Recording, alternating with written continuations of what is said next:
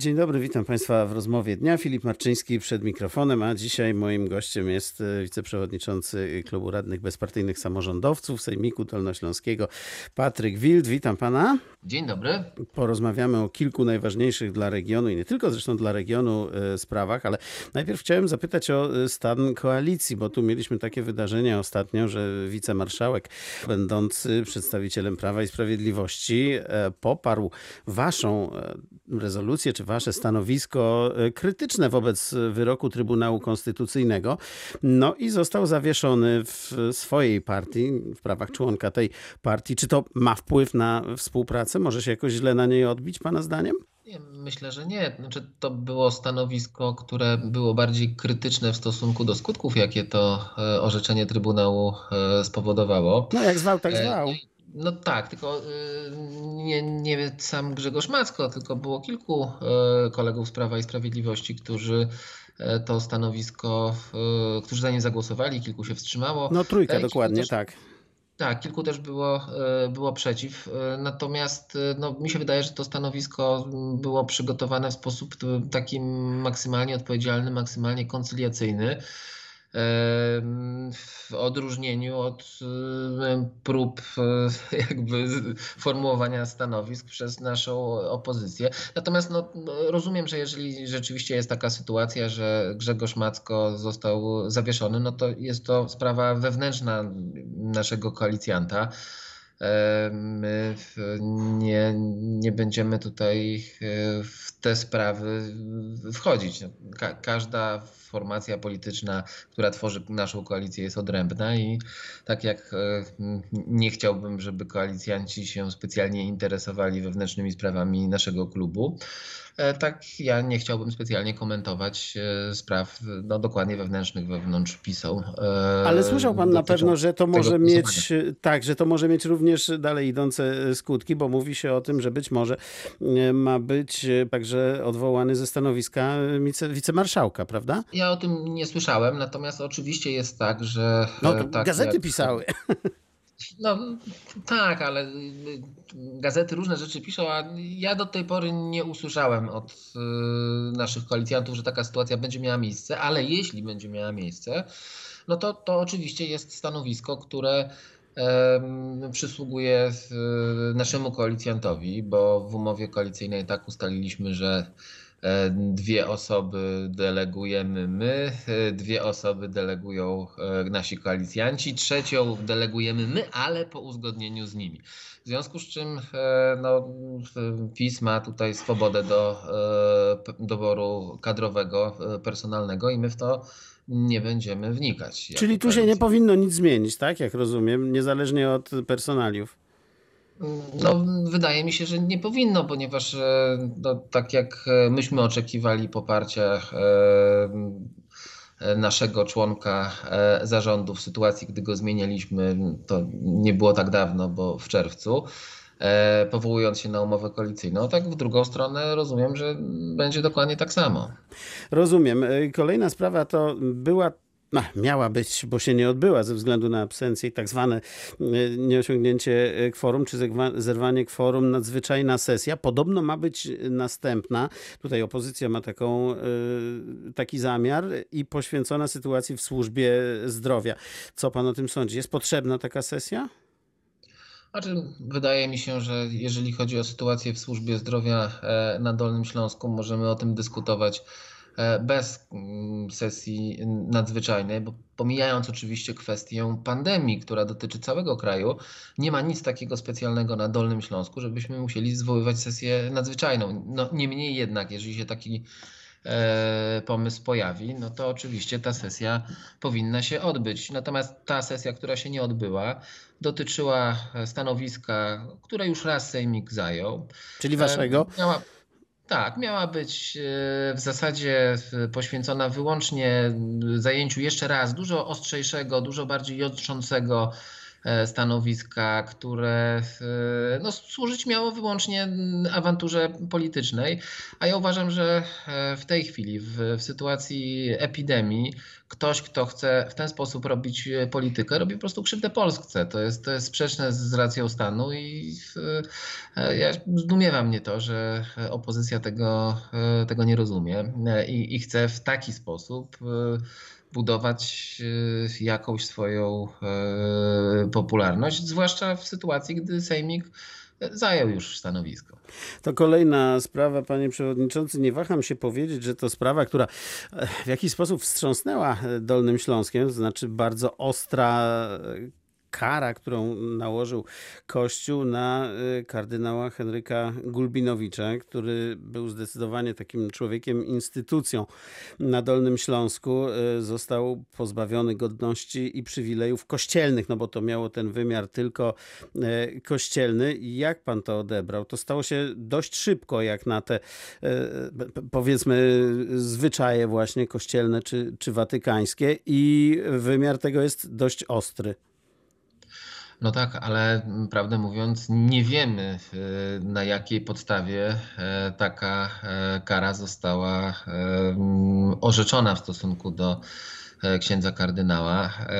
Nie chciałbym się wypowiadać, nie, nie wiedząc no, no, tak naprawdę. Wiemy, że tutaj chodziło o sprawy związane z molestowaniem kleryków, że tutaj chodziło o krycie sprawców czynów pedofilskich.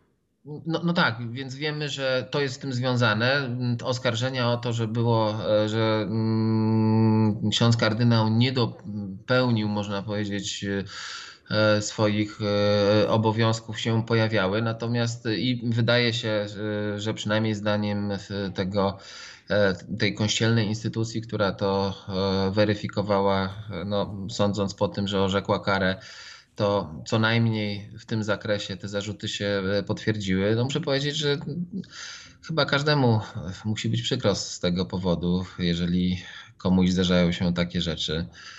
E, no to jest to sytuacja e, zupełnie mm, smutna i, i można powiedzieć tragiczna. To na pewno będzie miało konsekwencje w e, dalszym spadku zaufania i do instytucji, no i do oczywiście e, księdza kardynała, no to w, w tym wypadku sprawa jest, jest jasna. No, musiało coś jednak chyba być, skoro.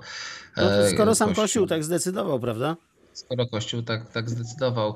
Nie, tak jak powiedziałem, nie chciałbym się wypowiadać yy, bardziej zdecydowanie, ponieważ nic więcej nie wiemy, poza tym, że taki werdykt zapadł, a jeśli zapadł, to pewnie nie zapadł bezpodstawnie. To kolejna rzecz y, to y, sytuacja gospodarcza, ale pana chciałem szczególnie, wi wiadomo dlaczego, zapytać o, o, o koleje dolnośląskie w tej pandemicznej sytuacji. W miniony weekend podawaliśmy informację, że zaprzestano kursów pociągów do Czech. Generalnie poczynione zostały pewne inwestycje. Nie ma pasażerów, nie ma wpływów, nie ma dochodów, koszty są. Czy cała ta sytuacja pandemiczna może się w jakiś taki no, niedobry sposób odbić na sytuacji przedsiębiorstwa? Ona się oczywiście już odbija w niedobry sposób, bo e, sukces. E, tak, oczywiście, ale mówię, czy tak przysz przyszłościowo, no, że trzeba będzie zmienić po prostu pewne priorytety. No, mam nadzieję, że nie, że ta, ta sytuacja jednak e, jest sytuacją przemijającą. To znaczy, my oczywiście w tej chwili, jak cała zresztą Europa, mamy wielki problem z tą tak zwaną drugą falą, choć ja mam wrażenie, że w przypadku Polski to jest cały czas jedna fala, która po prostu na chwilę została wypłaszczona, a teraz. E, a teraz jest tak, jak było gdzie indziej wcześniej. Tak, tak, dokładnie tak. No i to jest oczywiście wielki problem, ale mam nadzieję, że jest to e, problem bieżący. To znaczy, że rzeczywiście w tej chwili koleje dolnośląskie będą wymagały i Polregio będą wymagały większych e, dopłat, e, że no bo sukces dotychczasowych przewozów na Dolnym Śląsku był związany z tym, że było coraz więcej pasażerów i to ci pasażerowie finansowali rozwój kolei. Jeżeli dzisiaj ich nie ma, no to a, a koszty pozostają jednak na dosyć y, dużym e, poziomie, a akurat w kolejnictwie olbrzymia część kosztów to są koszty stałe, po prostu dostosowane do skali oferty, którą się y, proponuje. E, no tak, proponuje I, i to, że te pociągi na chwilę nie pojadą, to jest oszczędność tak naprawdę nieduża, może na cenach energii, to tyle. E, Więc e, rzeczywiście mamy teraz sytuację e, trudną i teraz trzeba będzie, z jednej strony oczekujemy na środki kolejnej tarczy, z drugiej strony zdajemy sobie sprawę, że musimy naszym przewoźnikom pomóc. Natomiast zakładam, że ta sytuacja będzie miała charakter przemijający, że za miesiąc, dwa miesiące jako e, społeczeństwo już odporni, uodpornimy się na tego wirusa i ta fala e, zachorowań przeminie. No i wtedy zaczniemy e, powrót do, e, do jeżdżenia e, i e, oczywiście nie, nie zdarzy się to od razu. Odrabiania Nie ma- strat trochę też. Tak, tak. Myślę, że to, to potrwa z pół roku. W, e, No to pan optymistycznie widzę patrzy na sprawę. No ale, ale że to przeminie. Jest sytuacja, jaka, jaką mamy z pandemią, nie dotyczy niestety tylko transportu pasażerskiego, dotyczy bardzo wielu innych, y, innych branż. Ale nie słyszałem, żeby ktoś chciał z tego powodu no, jakby likwidować całe branże. Po prostu trzeba to przeczekać. No, zobaczymy, jak będzie na przykład z liniami lotniczymi. E, Krótko na koniec jeszcze jedno pytanie. Czy przedsiębiorcy dolnośląscy mogą liczyć na jakąś pomoc ze strony finansów Dolnego Śląska? Tak to nazwę ogólnie, no bo w czasie tej pierwszej pandemii mieliśmy takie propozycje ze strony DFR-u, na przykład Dolnośląskiego Funduszu Rozwoju. Czy jeszcze zostało coś, żeby podsypać? No, bardzo dużo środków poszło już Rozumiem. do pierwszej. E, My oczywiście zastanawiamy się i szukamy, czy jeszcze jakichś środków unijnych nie będziemy mogli ich, y, przeznaczyć. Natomiast y, nie chciałbym tutaj składać jakichś wiążących deklaracji, bo naprawdę w czasie tej pierwszej e, fali e, no myśmy, można powiedzieć, z tych środków, na które zgodziła się Komisja Europejska, bo w szczególności były to y, pieniądze europejskie, dość dużo już y, wydatkowali i teraz będzie z całą pewnością ciężej cokolwiek znaleźć, ale mm, może się uda. Nie- Nie chciałbym tutaj e, A mówić, na, na nie, razie natomiast sprawa otwarta, tak? Tak, natomiast no, sytuacja jest dużo trudniejsza niż te kilka miesięcy e, temu, bo e, pewne zasoby, które powiedzmy mieliśmy, e, no, w tej chwili już są u tych przedsiębiorców właśnie. Patryk Wild, wiceprzewodniczący klubu Bezpartyjni Samorządowcy w Sejmiku Dolnośląskim był naszym gościem dziś rano. Bardzo dziękuję.